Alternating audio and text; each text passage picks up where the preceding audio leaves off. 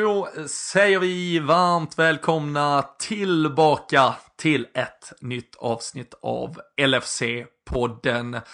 2019 rullar vidare, Liverpool har äntligen tagit årets första seger och eh, därmed också säkerställt att det inte blev två raka nederlag i Premier League. Eh, 40 månader sedan sist, eh, också ett väldigt häpnadsväckande rekord som Liverpool fortsätter stolt sera med.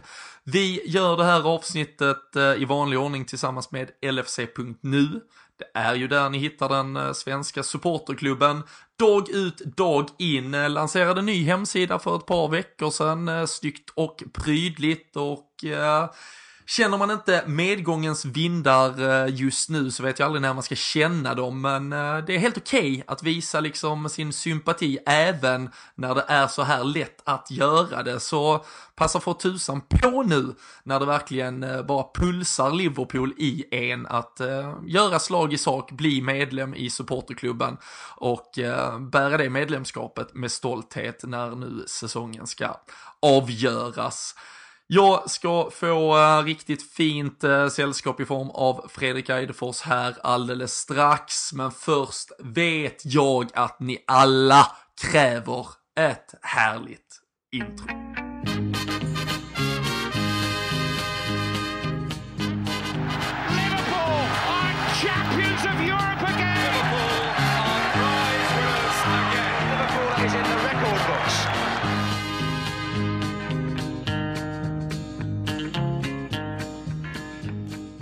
Jajamensan, eh, då har vi även fått introt överstökat, bortkryssat och eh, framförallt så har jag fått väldigt fint sällskap i form av eh, Fredrik Eidefors.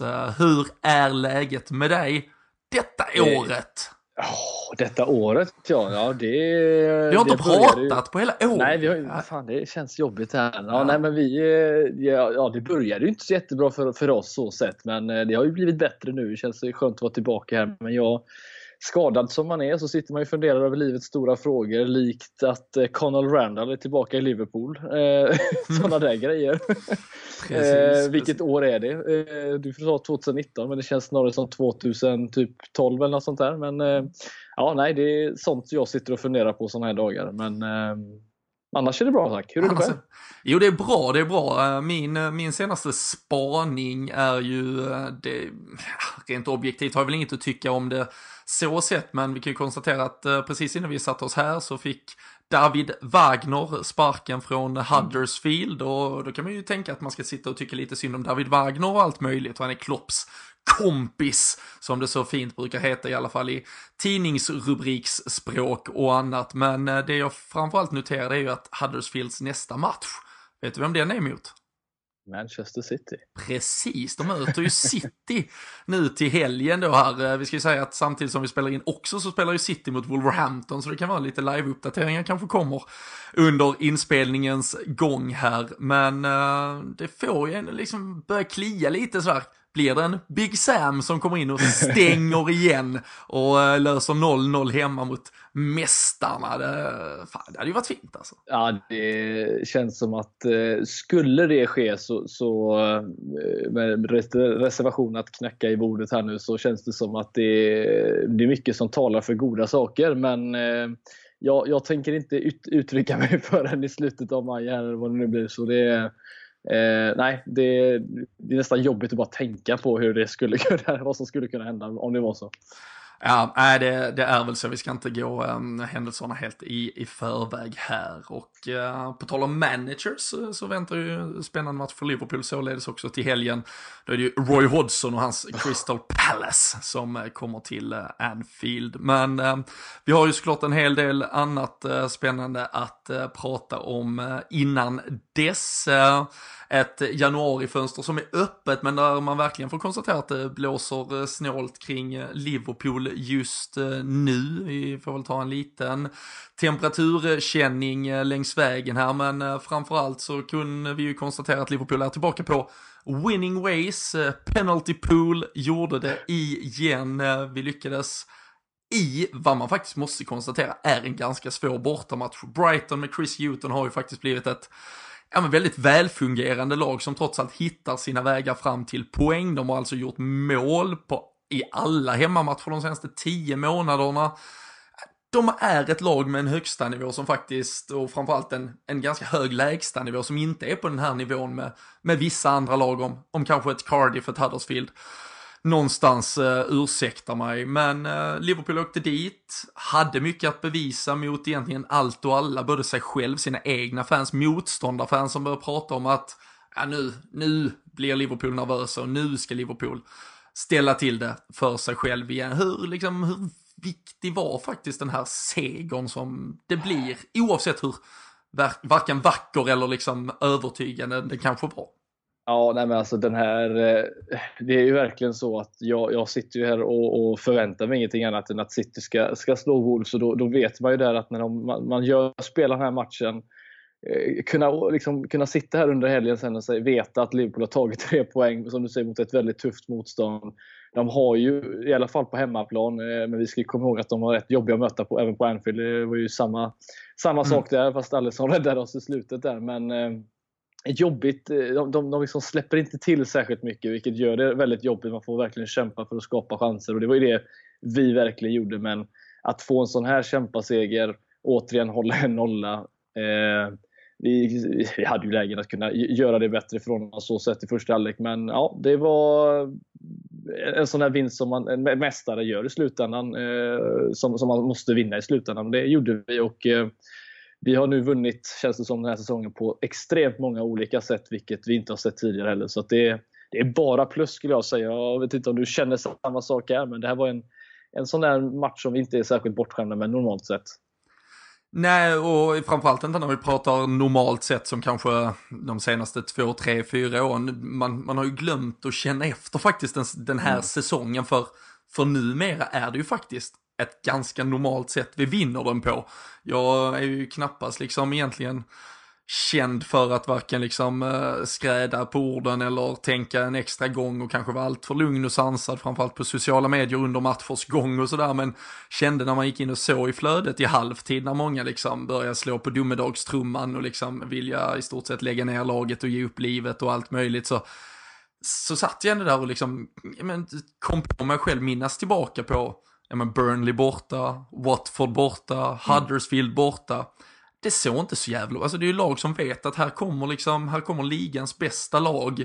Vi ska göra en match inför våra hemmafans, vi ska i alla fall fan se till att de ja, stängs ner, inte får några utrymmen, de ska inte få chansen att liksom spela oss av banan i alla fall. Och ja, de flesta lag på den här nivån, de orkar ju göra det i, i 45, ibland 60, ibland till och med 70 minuter. Men när du är så extremt dominant som Liverpool är idag, kontra om man tar en liknande match för ett, två år sedan, där vi dels saknar kanske fullständig stabilitet stabilitet i vårt eget försvarsspel, det vill säga den ena eller två kontringar som faktiskt kan komma till för ett lite sämre lag. Mycket väl kunde straffa oss, skapa panik, alltså det minns vi bara, det är väl en eller två säsonger tillbaka när vi hade det var Newcastle borta, så, alltså flera av de här matcherna hade de, de fick det där ett skitanfall, men så var det plötsligt 1-0 istället. Mm. Och det hade ju mycket väl kunnat hända i exakt den matchen som spelades i lördags. Med ett lite sämre försvar och ett li, liksom lite sämre stabilitet och struktur. Så jag tycker liksom, numera ser man faktiskt ungefär den här matchen kunna hända lagom ofta i alla fall för Liverpool när vi spelar en bortamatch. Mot den här typen av motstånd. Så jag var inte helt överraskad att det såg ut så. Det var väl också därför liksom jag var ganska, jag förstod Klopp i hans val. Liksom, vi, ska prata lite Jordan Henderson bland annat. Eh, det, det, gör man ju alltid i den här podden känns det som. Men, men där jag tycker att det finns verkligen fog för att kritisera honom och hans högsta nivå ibland i vissa sammanhang. Men jag var fullt förståelig till att Klopp valde honom just här. För jag tror det handlar mycket om att hur trist och tråkigt det än ser ut i första halvlek. Att visa att vi är stabila. Vi hade en helt ny mittback som liksom var, ja, van Dijks fjärde kompis att bilda försvar med. Men han gör ju det fantastiskt bra såklart, Fabinho, men också liksom med hela Liverpool. Vi var tvungna att fungera och vi var tvungna att få igång maskineriet och bara ticka i alla fall, liksom visa att vi kontrollerade detta. Sen såg det liksom inte briljant ut offensivt, men vi åker dit och gör en jävligt, precis som Klopp sen uttalar sig efteråt, mogen och liksom gedigen insats och ibland kan väl det också få räcka helt enkelt. Ja, ja absolut. Och, och det jag känner eh, framförallt är väl att eh, det är en grej eh, som den här nervositeten som, som jag visserligen kände lite, men jag känner ändå lite samtidigt också lite så som du sa att eh, det känns som att det, det, är lite annorlunda den här gången. Att vi kommer i alla fall få in ett mål. Nu blir det visserligen på straff då, men det är snarare känslan efter målet, när vi väl har ledningen, hur vi äh, agerar. Och där känns det som att vi ligger rätt hela tiden. Äh, även fast vi hade lite folk framme i anfallen så när det kommer en boll upp så är van Dijk och van Binnen när de vinner tillbaka den i slutändan. Så jag är snarare mer imponerad över hur, hur vi lyckas idag när vi väl har ledningen lyckas behålla lugnet på ett sätt som jag aldrig har sett tidigare. Och det får vi ändå säga med en sån nykomponerad mittfält eller mittbacksdel eh, då som vi hade den här gången. Det, det är bara att, att liksom lyfta på hatten för att det är, det är imponerande hur vi har lyckats få ihop det trots att det har varit flera olika mittbackspar som har spelat olika eh, försvarslinjer. Så ja, gång på gång fortsätter vi leverera. Ja, och det liksom, man låter ju som någon eh, liksom, trasig grammofon här som bara upprepar sig själv. Men liksom den säsongen vi ser Virgil van Dijk göra nu eh, också korad till ja, Player of the Month i, i december och liksom mm, visst nu, nu förlorar Liverpool mot Manchester City så då, då, kommer vi kanske inte då ha den bästa spelaren och bästa tränaren den, den här månaden liksom men, men det han uträttar på plan just nu och om det skulle bara fortsätta då, då kan jag inte heller säga att han inte skulle bli årets spelare när, när det här väl summeras. För som sagt, med sin fjärde kollega, eh, nykomponerad då backlinje igen. Han har ju stort sett haft nya mittfältskonstellationer framför sig konstant. Men han, han är liksom det bestående faktumet som hela tiden säkerställer att, att vi faktiskt aldrig är riktigt, riktigt hotade. Eh, det är ju fantastiskt klipp i slutskedet när han är beredd att i stort sett mörda Trent oh, för att han inte är, är, i linje. Liksom. Det är liksom en ganska liksom, bagatellartad situation. Det är liksom inte ens något superfarligt läge. Alltså det, men det är det som krävs. Han kräver full fokusering från allt och alla omkring mm. sig. Mm. Från sekund ett till domaren blåser av den där matchen. Och han leder ju den här liksom backlinjen med sån extrem pondus. Han för upp bollen när det behövs. Och vad är det nu? 32 matcher, 31 matcher, alla kategorier den här säsongen han har spelat tror jag i Champions League, liga, landslag och han har fortfarande inte blivit avdribblad. Alltså ingen har tagit sig förbi Nej. honom. Det är sinnessjukt. Ja, och jag läste en, en liten intressant grej också som, som man faktiskt inte har tänkt på. För jag blev liksom smått förvånad. Hur, hur vet du hur många, många mål vi har släppt in på, på nick den här säsongen? Vilken uh, tricky, uh, men alltså vi, vi har ju egentligen, det har ju varit Allison, är det inkluderat Champions League eller är det bara Premier League? All, alltihop. Alltihop, fan kan det vara något Champions League? Kan, var det inte ett, det var ett hörnmål mot Röda Stjärnan, men vet fan om det var på nick. Jag säger ett bara för det. Mm. Det är just det målet. Var det Röda Stjärnan? Jajamän. Aj, fan. Det är annars som vi tar Premier League, alltså noll insläpp. Ja, för där är det alltså, ju lite Allison-misstag och det är någon, liksom... det är typ det enda. Ja, det är liksom det det är, typ. Och så gav vi United ett mål sådär, men ja. som man var tvungen att göra så det skulle kännas som en match i alla fall. Nej, men det, det är ju helt sjukt egentligen hur... Alltså, jag, jag vet inte ens eh, om man har ett svar på detta, men vågar motståndarna som känner att det är värt att slå inlägg lika mycket? Det känns som att vi har släppt in mycket tidigare. Eh, Nej, men innan alltså... van Dijk exempelvis. Det känns som att nu kollar de sedan, ah, han är där, då håller vi den på backen istället. Alltså, de, det är ingen idé ens. De Nej, och det, alltså bara se, bara se byten, alltså där, där är ju något man däremot inte har vant sig Alltså se bytena som Brighton gör i slutet. De plockar ut Glenn Murray och mm. sätter in liksom lite spelande spelare ja. om du förstår mig rätt. Alltså där, ja, har ju alla, där har ju alla lag tidigare bytt, bytt in sin Christian Benteke liksom, eller vem fan det nu än är, som är deras, deras motsvarighet. Och Glenn Murray är ju sannoliken en liksom boxspelare, om än kanske inte det här liksom fysiska fenomenet på det sättet, men det är ju där han har sin, sin spetsegenskap så sett. Så äh, det är en, det är en förändring och det är ju ett konstaterande. Det är ju faktiskt årsdagen idag också sen den där 4-3 matchen mot Manchester City. En av de sista matcherna van Dijk, även om han hade kommit till klubben så missade han ju just den. Men det är ju liksom, det, senast man, man såg oss vara ganska slarviga och riktigt dåliga ja. i försvarsspelet när vi i slutsekunderna håller på att tappa liksom 4-1 eh, till först, ja vi tappar ju det till 4-3 och till och med nästan 4-4. Och äh, titta lite på de klippen. Och så, och så tänker ni sen att det plötsligt är Virgil van Dijk och Allison i målet där så ser man ganska tydligt vad som har hänt på ett år och uh, nej det var ju en, uh, ja, men en lagseger uh, får man väl uh, väldigt svenskt och sådär uh, lagom beteckna den som samtidigt som då Mohamed Salah någonstans blir tungan på vågen. Vi kan väl konstatera att det var en solklar straff den här i alla ja. fall oavsett vad man vill tycka om andra situationer tidigare och även om vi nu är penalty pool igen med hela världen, vilket vi ändå någonstans bara tar till oss och älskar, så har vi fyra straffar, även om det då är inom loppet av ett par veckor så är det också fyra på hela säsongen och absolut inget unikt där heller kan vi väl konstatera. Men Nej. Mohamed Salah generellt också kändes som att han kom lite till en annan, han var involverad väldigt mycket mer i andra halvlek, han hade mer boll i sina ja. fötter. Precis, och jag tror att skulle man vara en sån där heatmap-nörd som kollar på sådana grejer så skulle man ju märka att han, som du nämner, eh, rörde sig mycket längre ner i banan än vad han normalt sett gjorde. Det var inte så mycket springa bakom backlinjen den här matchen eh, och jag tror att det var ganska medvetet också. Jag tror Klopp och, och när han väl satte upp det där laget och lite, ändrade lite i andra halvlek till exempel att det var nog tanken att, att bli lite åt det hållet. Så att, eh, och det tyckte vi han gjorde fantastiskt bra. Lyckades med skarvar framförallt. Eh, tycker fortfarande att han har en grej i sitt spel som irriterar mig så in i bomben. Nästan lika mycket som Milners ballongkrossar som jag pratat om tidigare. Men du, du, vet den här situationen när han, när han får bollen och börjar sätta fart mot målet och ska försöka sig på en sån här, sån där väggspel som ofta slutar att han passar bollen i motståndare och så får de kontra istället.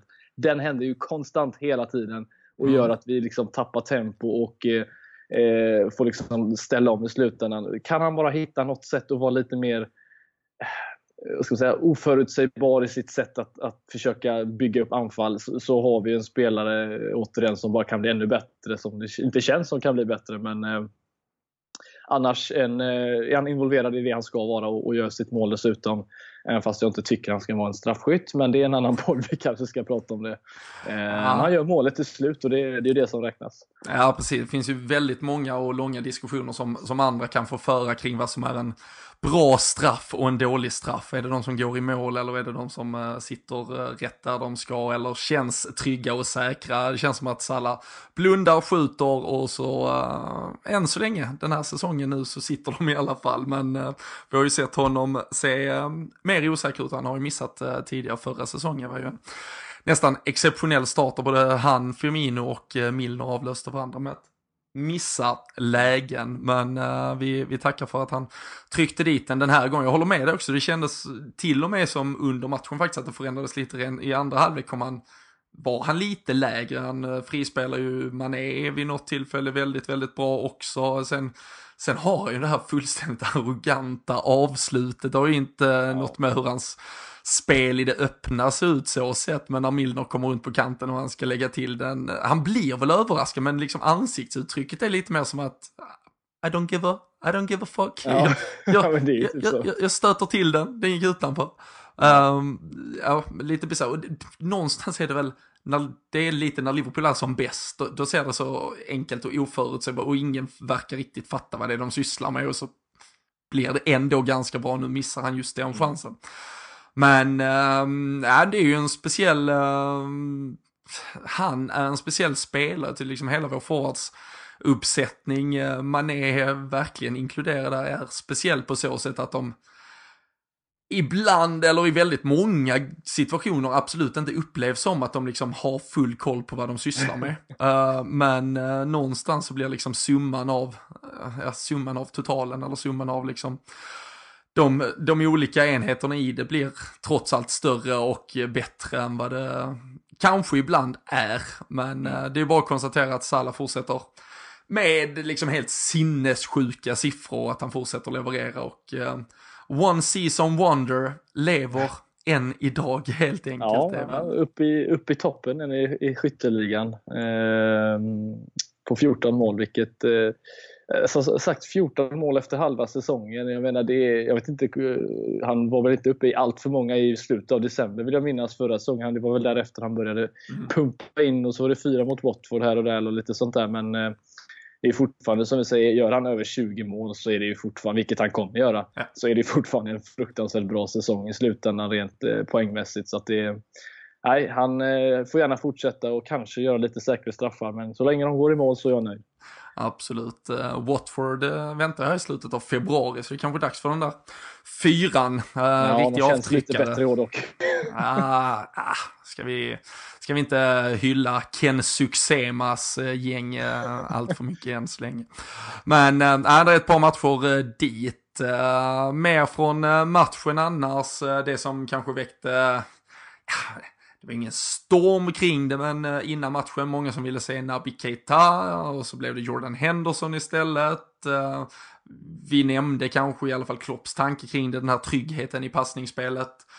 I paus, när man då kände att det kanske gick lite i stå, var det än mer kanske frustration från väldigt många när man då liksom frustreras över att Jordan Henderson spelar det här extremt enkla spelet. Det är sidledspassningar, det är bakåtpassningar, han, han utmanar inte tillräckligt många som då vill ha in Keita istället så liksom litade Klopp på det laget han till mycket, liksom mångt och mycket hade ställt ut. Keita får bara ett väldigt kort inhopp och är ändå inblandad själv i en situation där han är väldigt ja. arrogant och liksom tror han ska få frispark och ger upp situationen helt.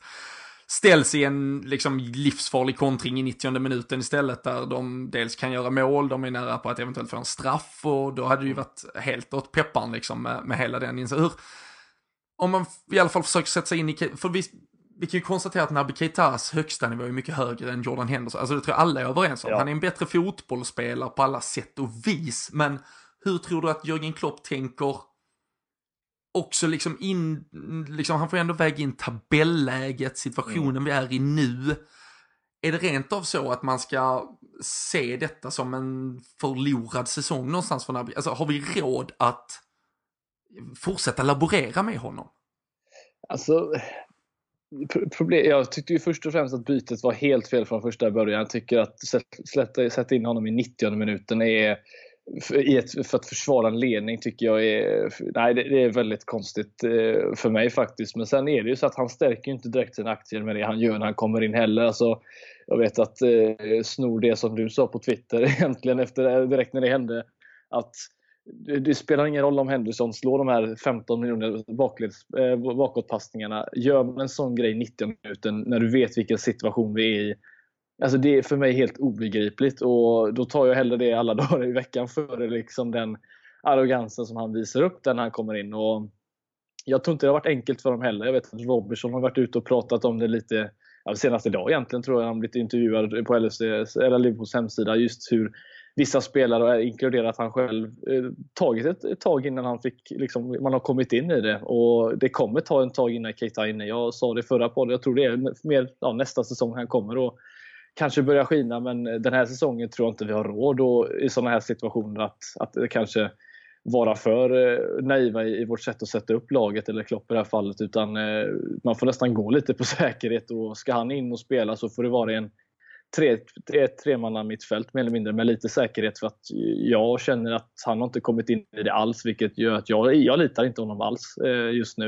Eh, och han var bra i, mot Burnley, han har varit bra i vissa inhopp men eh, nej, besviken på hur det har blivit i eh, hur, hur, ja, hur det har sett ut egentligen eh, med honom. Jag hade mycket högre förväntningar du som trots allt, eh, trots allt, men det är ju väldigt många som satt och så eh, highlights och klipp och det är ju såklart, mm. det var lätt att liksom fängslas av eh, både mål, assist och eh, någonstans en attityd. Han var ju även i böckerna för både gula och röda kort till höger och vänster framförallt under sin sista säsong. Är det något, om du bara, om vi ändå isolerar det till, försöka titta till Keitas bästa, vad är det i de uppställningarna Liverpool ändå ställer på banan som kanske gör att han inte får ut det bästa, eller finns förutsättningen för att han borde få ut det bästa av sin potential även här just nu? Eller krävs det även förändringar från hela laget för att han ska blomma ytterligare? Alltså, jag kan väl bara dra en jämförelse där jag tyckte att man fick se det absolut bästa av honom även fast eh, han inte gjorde något mål eller, eller så i den matchen. Men Tottenham borta tycker jag är en, en perfekt, eh, för de som kommer ihåg den matchen, när han var, faktiskt var med upp i väldigt många kontringar och anfall. Eh, det är, en sån, det är där han ska vara. Han, han är en offensiv mittfältare. Han är inte en, en sittande, liksom, hållande spelare i slutändan, utan han ska vara längre fram i banan och har inte använts lika långt fram i banan i det här fallet heller. Eh, och kollar man på som sagt hans siffror och jämför med hur det såg ut i Leipzig så var han mycket mer, som du sa visserligen, lite mer aggressiv men han, han hade helt sjuka siffror på liksom antal vunna tacklingar per match eh, och högt upp på banan framförallt. Mm. Så jag tror det har lite att göra med att han, han har inte kommit in i samma system han, han är van med och jag vet att det kan ta tid med. Men eh, för långt ner i banan. Eh, inte tillräckligt inblandad skulle jag säga. Han, vi har ju sett när han väl får bollen att han är väldigt duktig på att driva fram bollen framförallt. Eh, men eh, i Leipzig var han mycket mer offensiven. Han tog eh, en hel del skott, han gjorde en hel del mål och assist, vilket gör att han ska vara längre fram för att utnyttja honom. Och Frågan är om det kanske blir en likt Wijnaldum har blivit. Han har ju blivit, varit fantastisk den här säsongen men det är långt ifrån den spelaren som vi såg i Newcastle som jag kanske hade hoppats att han skulle bli mer, alltså mer eh, involverad i, i, poäng och så vidare. Men eh, det återstår att se om Keita kommer bli så eller om det kommer sluta mer åt Henderson. Att man blir en stabil spelare men kanske inte riktigt når toppen som det var tänkt. Mm. Ja, det, det, det, det är intressant. Om, om vi skulle någonstans landa i ett, nu har vi såklart en Fabinho också, men om vi skulle landa i liksom en mittfälts trea, sen kan man leka med siffrorna i, i Keita, Wijnaldum och Shakiri, så är det egentligen tre stycken tior. Typ, mm. alltså man kan mm. leka med siffran uh, som, som någonstans har blivit uh, funnit balansen uh, mellan varandra. Men jag tror väl också att Shakiris liksom ja, också att han gick rakt in och verkligen har presterat. Man kan ju då gå tillbaka till det här Premier League-proven som det går att använda när det funkar och sen är det ju lika ofta det absolut inte funkar och det är lika ofta spelare kommer utifrån och är helt exceptionella direkt ska väl också konstateras. Men i fallet Liverpool 2018-2019 så har ju Shakiri nog kanske fyllt den luckan av både poäng och alltså, spelsätt och typ och, och bidragit med det som man kanske då trodde att Keita skulle vara den som bidrog med på löpande band, att Shakiri skulle vara liksom mer en impact-avbytare.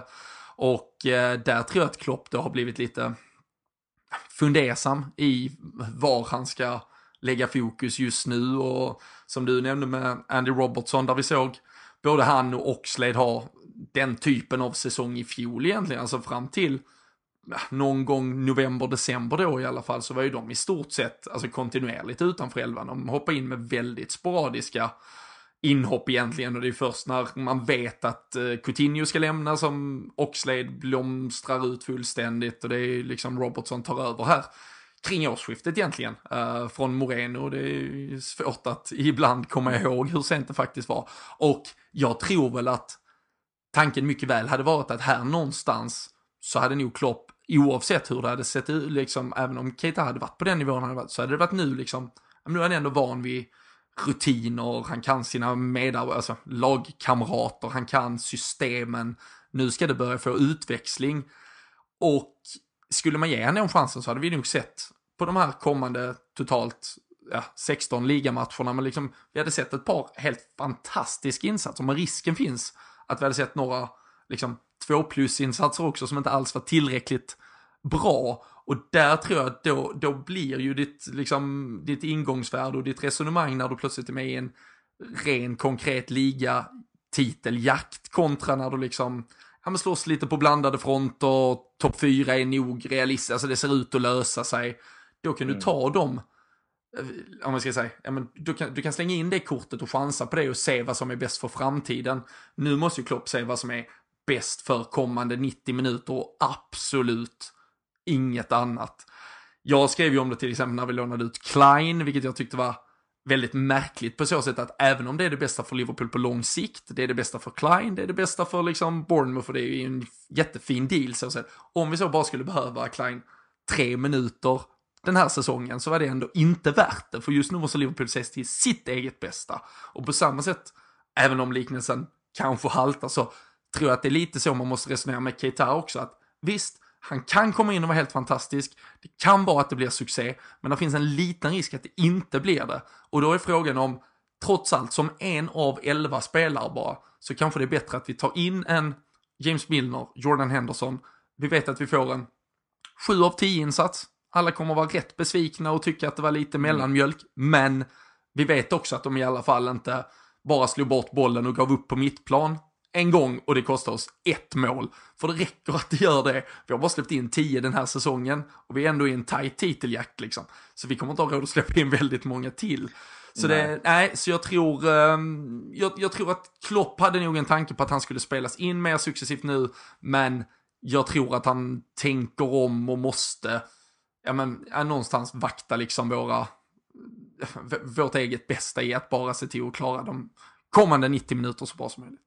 Nej, men jag är helt med och jag, jag tror att lite har, har nog att göra med det här fallet att en spelare som Oxlade Chamberlain och Shakiri, om man får ta in de då spelarna som som kommit in här, att de, de, är mycket mer direkta. Det går mycket snabbare för dem att transportera bollen. Inte att springa möjligtvis med den, men framförallt att, eh, att, att, att hitta lägen framåt, att starta anfall. Du behöver inte kladda på bollen lika länge som Keita kanske har gjort tidigare. Han gillar ju att ha den nära fötterna, vilket ser lite trevligt ut när han väl springer fram. Men eh, eh jag tror att han har satt sig lite själv i, den, i en sån situation med i det här fallet, eh, Keita, genom att ja, helt enkelt inte anpassa sig på det sättet heller. Men eh, jag håller med dig. Jag tror att det, jag ser hellre att vi spelar det säkert nu. För nu får vi tänka, vi tänker inte två månader framåt, vi tänker 90 minuter och så får man utgå därifrån sen. Och det, det tar oss det, det tar oss i slutändan. Så är det och eh, vi kan konstatera att de nästa 90 minuterna som väntar är mot eh, Crystal Palace och eh, som vi sa så kan vi också konstatera att vi sitter ju och spelar in detta medan Manchester City möter Wolverhampton och även om en match är 90 minuter så räckte det nog med 23 för Manchester City för det står 1-0 och Willy Boli i Wolves har valt att ta ett direkt rött kort så vi kan väl utgå ifrån att Manchester City kommer ta hem detta och då krymper de tillbaka det där avståndet mm. till fyra poäng. Men vi har ju det fortsatt i egna händer och det är Crystal Palace som väntar uh, som sagt. Innan vi ska vi... tillägga att den tacklingen som ryktas i alla fall vara identisk med den kompani gjorde mot oss senast vi spelade. Men då fick han ju vara gult trots att det skulle vara ett tokrött kort. Så att eh, gudarna kanske är lite på vår sida ibland men eh, samtidigt känns det som att de fan inte är på sidan heller. Nej, vi eh, får se. Vi får se ja. vad som, uh, hur det utspelas. Men uh, det var väl kanske inte i uh, en hemmamatch mot Wolverhampton vi trodde att vi eventuellt skulle få något gratis i den här titelstriden heller. Så vi har eh, fokus på våra egna uppgifter. Eh, vi eh, kan för att ta en liten update kring truppen tycker jag innan vi går in mot den match som väntar så såg vi Joel Matip tillbaka i truppen inför matchen mot Brighton i lördags. Klopp sa ju på presskonferensen där i fredags att han hade varit i träning sen torsdagen, eh, vilket eh, av allt att döma och så vidare, inga bakslag kommer eller har kommit nu här, gör honom till ett eh, fullgott alternativ till Crystal Palace-matchen. Och därefter väntar ju sen faktiskt på grund av vårt uttag ur FA-cupen 11 dagars ledighet ryktas om lite Dubai-ledighet. Eh, vi ska inte vara den podden som går djupt i varför och varför inte man ska förlägga sina träningsläger där. Det sköter svensk media alldeles tillräckligt eh, just nu. Men eh, därefter Crystal Palace så förväntas Dejan Lovren, Joe Gomez troligtvis kanske också vara tillbaka, eller Gomez i alla fall till början av februari. Det börjar helt enkelt klarna upp sig eh, på den fronten såvida vi inte då får några nya setbacks. Eh, Adam Lallana däremot den som eh, återigen liksom håller stolt i skadeflaggan. Han var ju påtänkt till Wolverhampton i FA-cupen men fick då stå över på grund av en mystisk skada som plötsligt dök upp och nu kommer uppgifter idag att uh, det visar sig vara värre än först befarat och att han är borta lite längre än vad som först var tänkt. Uh, jag tror vi satt här ungefär vid samma tidpunkt förra året och konstaterade att alla de här skadorna har nog kostat Adam Lallana sin Liverpool-karriär.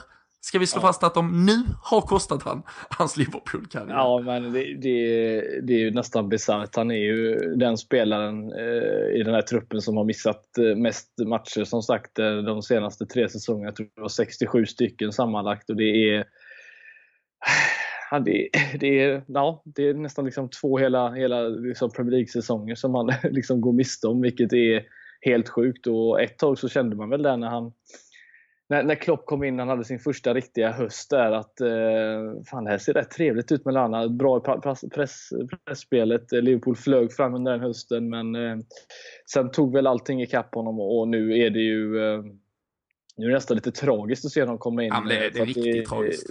Det, det, går väldigt långsamt och han springer lite som Sturridge gör det här med att jag vill inte bli skadad igen, jag vill inte bli skadad igen. Och, Eh, nej, det liksom börjar direkt med kröjfinter så fort han kommer in. Så att det, allting är väl tillbaka till sin, eh, till sin vardag egentligen. Men nej, det, det, det, det, det är över för honom kan man väl säga, Liverpool-karriären. Jag förstår bara inte hur Klopp har liksom lyckats hålla fast vid honom så pass mycket längre. För jag känner som att han på något sätt tycker om honom. Det visade han väl i början. Men, eh, han är kompis nej. med Henderson. Det, ja, det, var, det, det lärde man sig tid. Det lärde man sig tid. Det var lite som att bli så här kompis med kaptenen på juniorfotbollen, blev man kompis med så här, tränarens son så fick man spela kanske lite mer än vad man borde. Så, så det, han har gjort ja. det bra Lallana, han, ja, och, så, och så lite innebandyfrisyrer på det liksom. Så.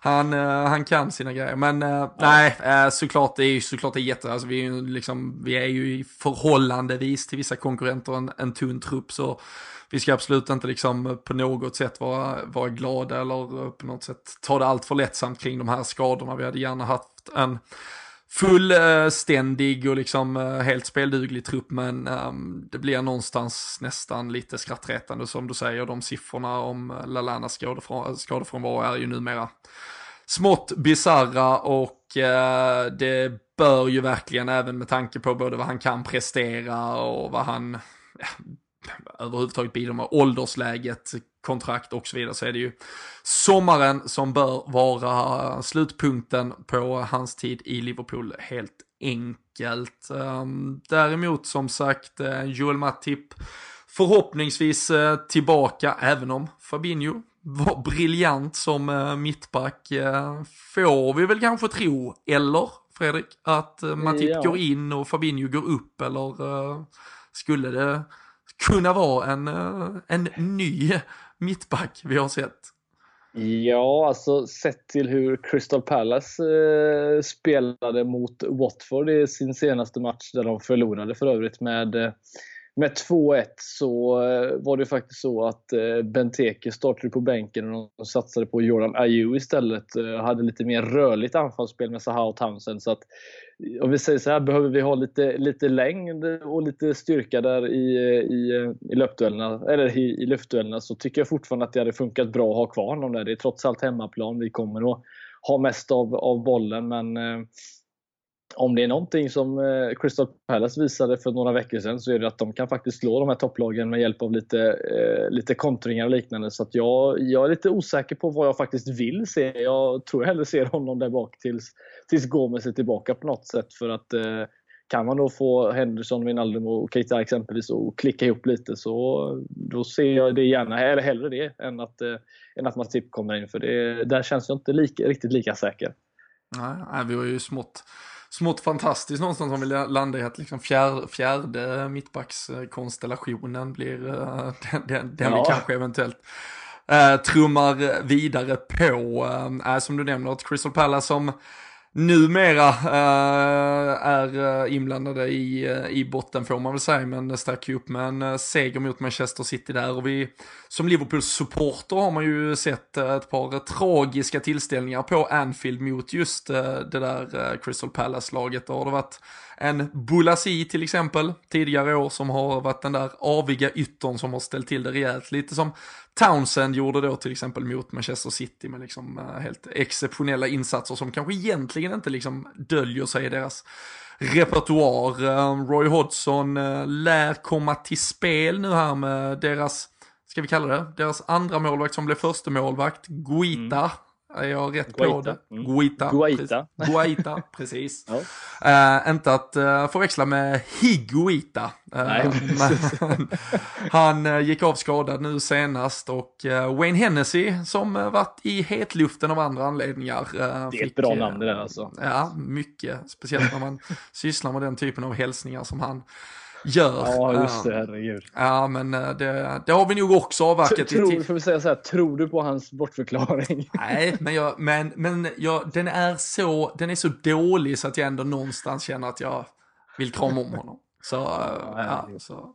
Men uh, vi, vi släpper det där. Ja. Men uh, han lär i så fall vakta målet. Uh, du nämnde det med kanske då eh, ett anfallsspel där de har eh, fokuserat lite mer på den här rörligheten. De eh, lånar även ut eh, den norske mm, totalfloppen Alexander Sörlott eh, och eh, det är ju ett av de största mysterierna i hela världshistorien hur de kunde köpa honom för 100 miljoner kronor ungefär. Och eh, Christian Benteke flyger ju inte heller fram, också en spelare som vi lurade de skjortan på att uh, köpa till de dyra pengarna de gjorde. Um, du väljer Fabinho och uh, nu mm. nämnde du Henderson, Wijnaldum, Keita. Var det bara som ett exempel eller uh, är det vad du skulle vilja se och en Shakiri som sätts på bänken då helt enkelt? Eh, nej, det, jag sa det väl om till för att jag tycker att det är de tre som ligger närmst att starta som mittfältare. Vi har ju sett Shakiri Eh, startar lite mer i en 4-2-3-1 som yttermittfältare också nu när Fabinho, eller när ja, eh, Salah varit uppe som ensam anfallare i slutändan. Men eh, det, det här, jag, jag, tror fortfarande att vi kommer hålla i, i bollen mest den här matchen. Jag ser gärna att vi försöker vinna tillbaka bollen snabbt och då eh, hade det varit trevligt att sätta en Keita, eh, även fast vi precis satt och pratade om hur vi inte ska vara för osäkra. Men jag tror att det är fortfarande en match som, som funkar bra att få in honom. Jag ser hellre igen en James Milner som har varit väldigt trött på sistone. Mm. Eh, han har på något sätt, vilket känns konstigt, slut på krafter ser det ut som. Eh, det är inte normalt att se honom så, men eh, tror att han behöver vila lite här och eh, då ser jag gärna att eh, Ja, det får väl egentligen bli en fråga om det är Keita eller Shakiri då som ska in. Men eh, jag ser gärna ett 4-3-3 tillbaka och försöka få så mycket eh, ja, spelare med i anfallen som möjligt och, och bryta ner dem. Så att, eh, ser gärna att eh, det, det är mittfältkonstellationen med Henderson och Wijnaldum i alla fall. Sen får vi se vem av dem den tredje platsen går till. Mm. Nej men det känns väl ganska så, så klokt resonerat och det har ju varit i stort sett, jag reserverar mig nu här, eh, men i stort sett varje match så har vi faktiskt alltså, bytat en spelare minst på det där, om vi ska kalla det mitt. Jag, jag, jag vet att det är en 4-2-3-1 ofta när Shakiri då mm. inkluderas, men jag någonstans bakar in han till det där tremanna mittfältet ändå, för det, han, han ja, det är ju han som avgör egentligen om vi spelar 4-3-3 eller 4-2-3-1 om han är med eller inte. Så det är väl någonstans på en mittfältares bekostnad i så fall han går in eller ut. Och eh, om det då var Shakiri Wijnaldum och Henderson senast så, så ligger det väl någonstans i korten att det skulle kunna vara en förändring där, för då har vi sett väldigt mycket. Sen tror jag som du säger också, Milner har sett trött ut. Eh, till slut hängde ju inte ens huvudet med honom mot Wolverhampton. Uh, hade kanske inte hängt med någon när man tvingades se vilket umgänge man skulle spela den matchen i. Men uh, det, det, var ovanligt att se honom ganska slapp också. Um, Såvida han nu inte hade fått något undercover-jobb från uh, Jörgen Klopp och se till att uh, de fick ett par chanser uh, för att inte riskera något annat. Uh, det var, gick, gick ganska snabbt i alla fall för Liverpool att planera det här träningslägret som skulle komma mm. nu. det var nog bokat på förväg tror jag va? Ah, det finns en risk eller chans att eh, det var något eh, på gång. Det enda jag hoppas och vill tro nu när det här jävla lägret närmar sig det är att vi slipper se någon käka köttbit hos Salt Bay i alla fall. Ja, det, det löste Karius ganska bra själv kan man väl säga. Eh, men jag hoppas fan inte det. Jag, Vem i truppen har störst? Divock Origi är sugen på en Salt Bay. Ja, jag tror... Jag tror eh, Han, Sturridge och Keita kommer vara där. Ja, för fan. Det skulle inte förvåna mig alltså. Ja, ja, nej, nej det, det är nog så illa till och med. Vem är längst ifrån att gå till Salt Bay? Andrew Robertson. Andrew, ja fy. Do you have huggies here? Do you have huggies? That's a wee bit salty mate. Ja. Ah, nej, det nej, Robertson skulle nog aldrig gå på det tror jag. Det Moreno kommer ju vara där. Moreno kommer ju vara där. Han rullar in på sin jävla hoverboard där. Ja, det ja. skulle inte förvåna mig. Ja, usch. Ja, vi, eh, man, man, får sätta sån här mute på sociala medier på Salt Bay så att man slipper se ifall någon uh, mot förmodan är Har du sett vad han tar för, vad han tar för de alltså, de kvittorna som rullar ut när de har varit där eller? Efter Frank Ribéris eh, ganska eh, uppmärksammade besök så har jag väl förstått att det ligger på ungefär 10 000 spänn för en köttbit i alla fall. Ja, det är helt stört alltså. Och de som klagade på att Ribéry käkade där fick ju höra att de var mammaknullade CP-ungar typ. Så det, mm. Ja. Det är också en skön jargong hos uh, multimiljardärer, uh, i stort sett miljonärer åtminstone. Men uh, nej, uh, sidospår uh, ja. att prata uh, kött från Dubai helt enkelt. Men uh, vi uh, ser ju någorlunda liknande elva hör jag i så. Jag tycker också att om alternativet är en Joel Matip som har tränat fem sex gånger så ser jag faktiskt efter det vi såg framförallt mot Brighton ingen liksom panik i att göra någon förändring där. Nej. Vi kommer dessutom stå högt på mittplan i stort sett och spela vår fotboll i 90% av den här matchen. Van Dijk, Fabinho, väldigt fina fötter och eh, skulle ju nästan kunna vara en fördel att kanske kunna lyfta den bollen ännu tidigare bakom en backlinje innan Crystal Palace har sjunkit så lågt som de säkert kommer vilja sjunka. Absolut. Vi såg David Luiz göra det fantastiskt för Chelsea mot Newcastle till exempel när man satte den direkt från backlinje bakom ett liksom, försvar som är på väg att ställa sig lågt. Man har inte hunnit komma tillräckligt lågt och eh, har van Dijks och Fabinhos fötter till att kunna eventuellt sköta den biten eh, med anfallare som löper in bakom eh, känns eh, absolut. Sakoma ska springa bakom dessutom. Ja, man kan springa bredvid eller under eller vad fan som helst.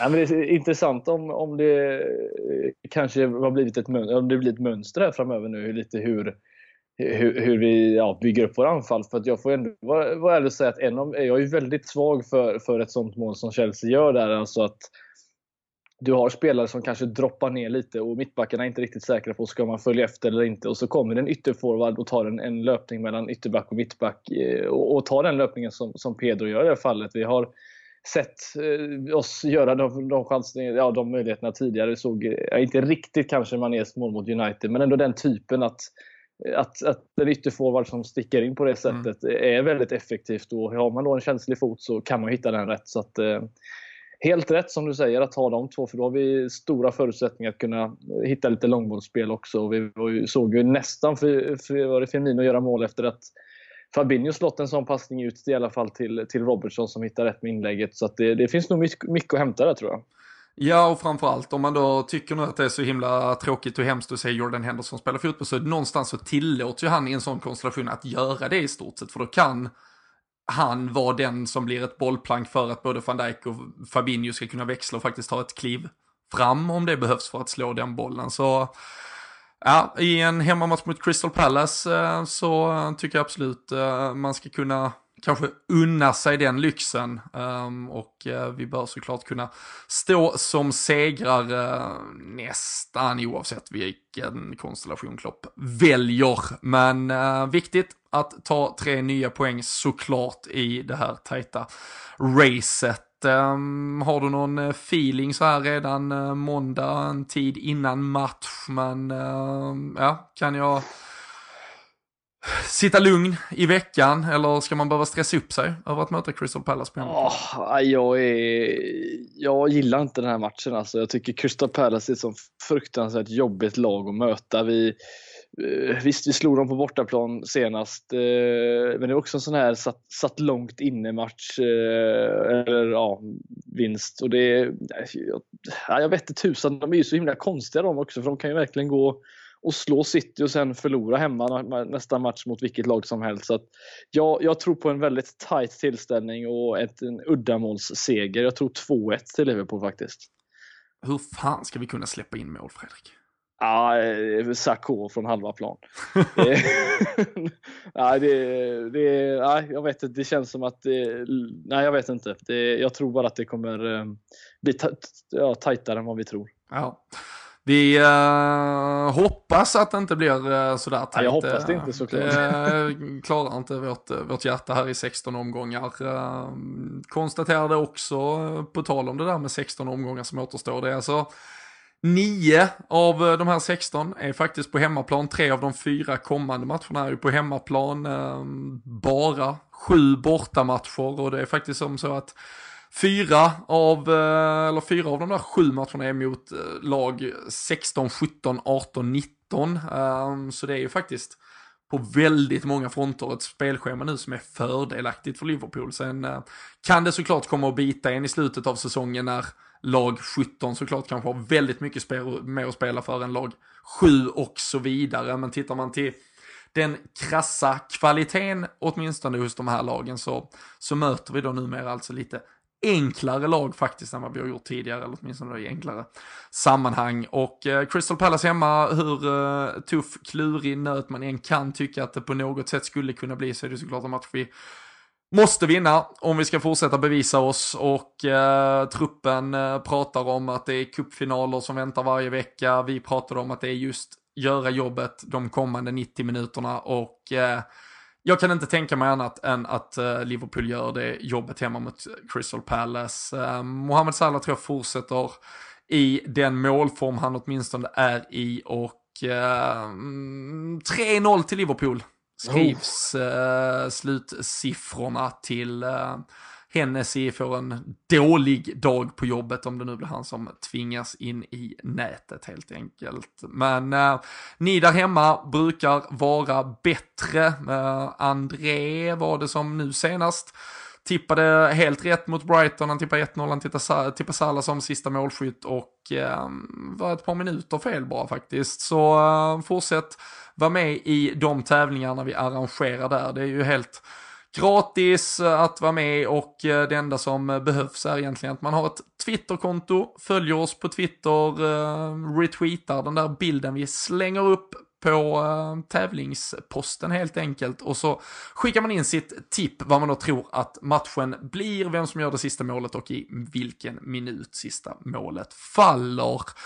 Vi eh, tackar verkligen också alla er som eh, lyssnar och troligtvis då också är några av dem i alla fall som har varit inne och röstat på oss i Guldskölden. Svenska fans omröstning för massa kategorier där man har prisat de bästa inom svensk sportmedia och där vi för andra året i rad Fredrik faktiskt eh, landar topp fem av mm. alla i Sverige i eh, kategorin då Årets Sportpodd.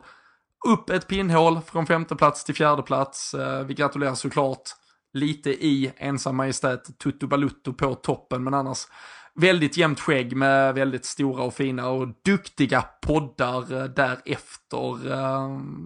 Det blir ju lite en tår i ögat på det här ändå.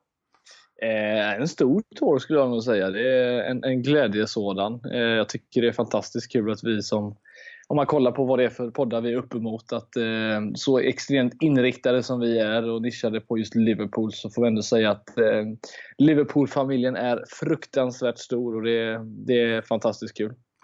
Ja men verkligen. Um, I år igen då, båda åren så är vi faktiskt den enda då nischade lagpodden. De andra är mer generella kring fotboll i allmänhet och någonstans kanske riktar sig då till alla. Vi förstår att det kan krävas ett visst Liverpool-intresse för att mm. man ska orka stå ut med våra röster varje vecka.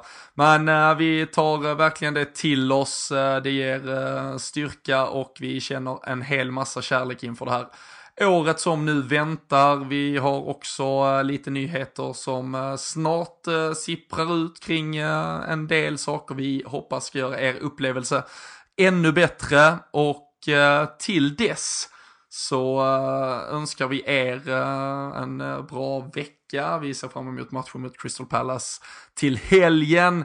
Och så tar vi helt enkelt nya tag mot tre viktiga poäng i toppen. Och så hörs vi snart igen.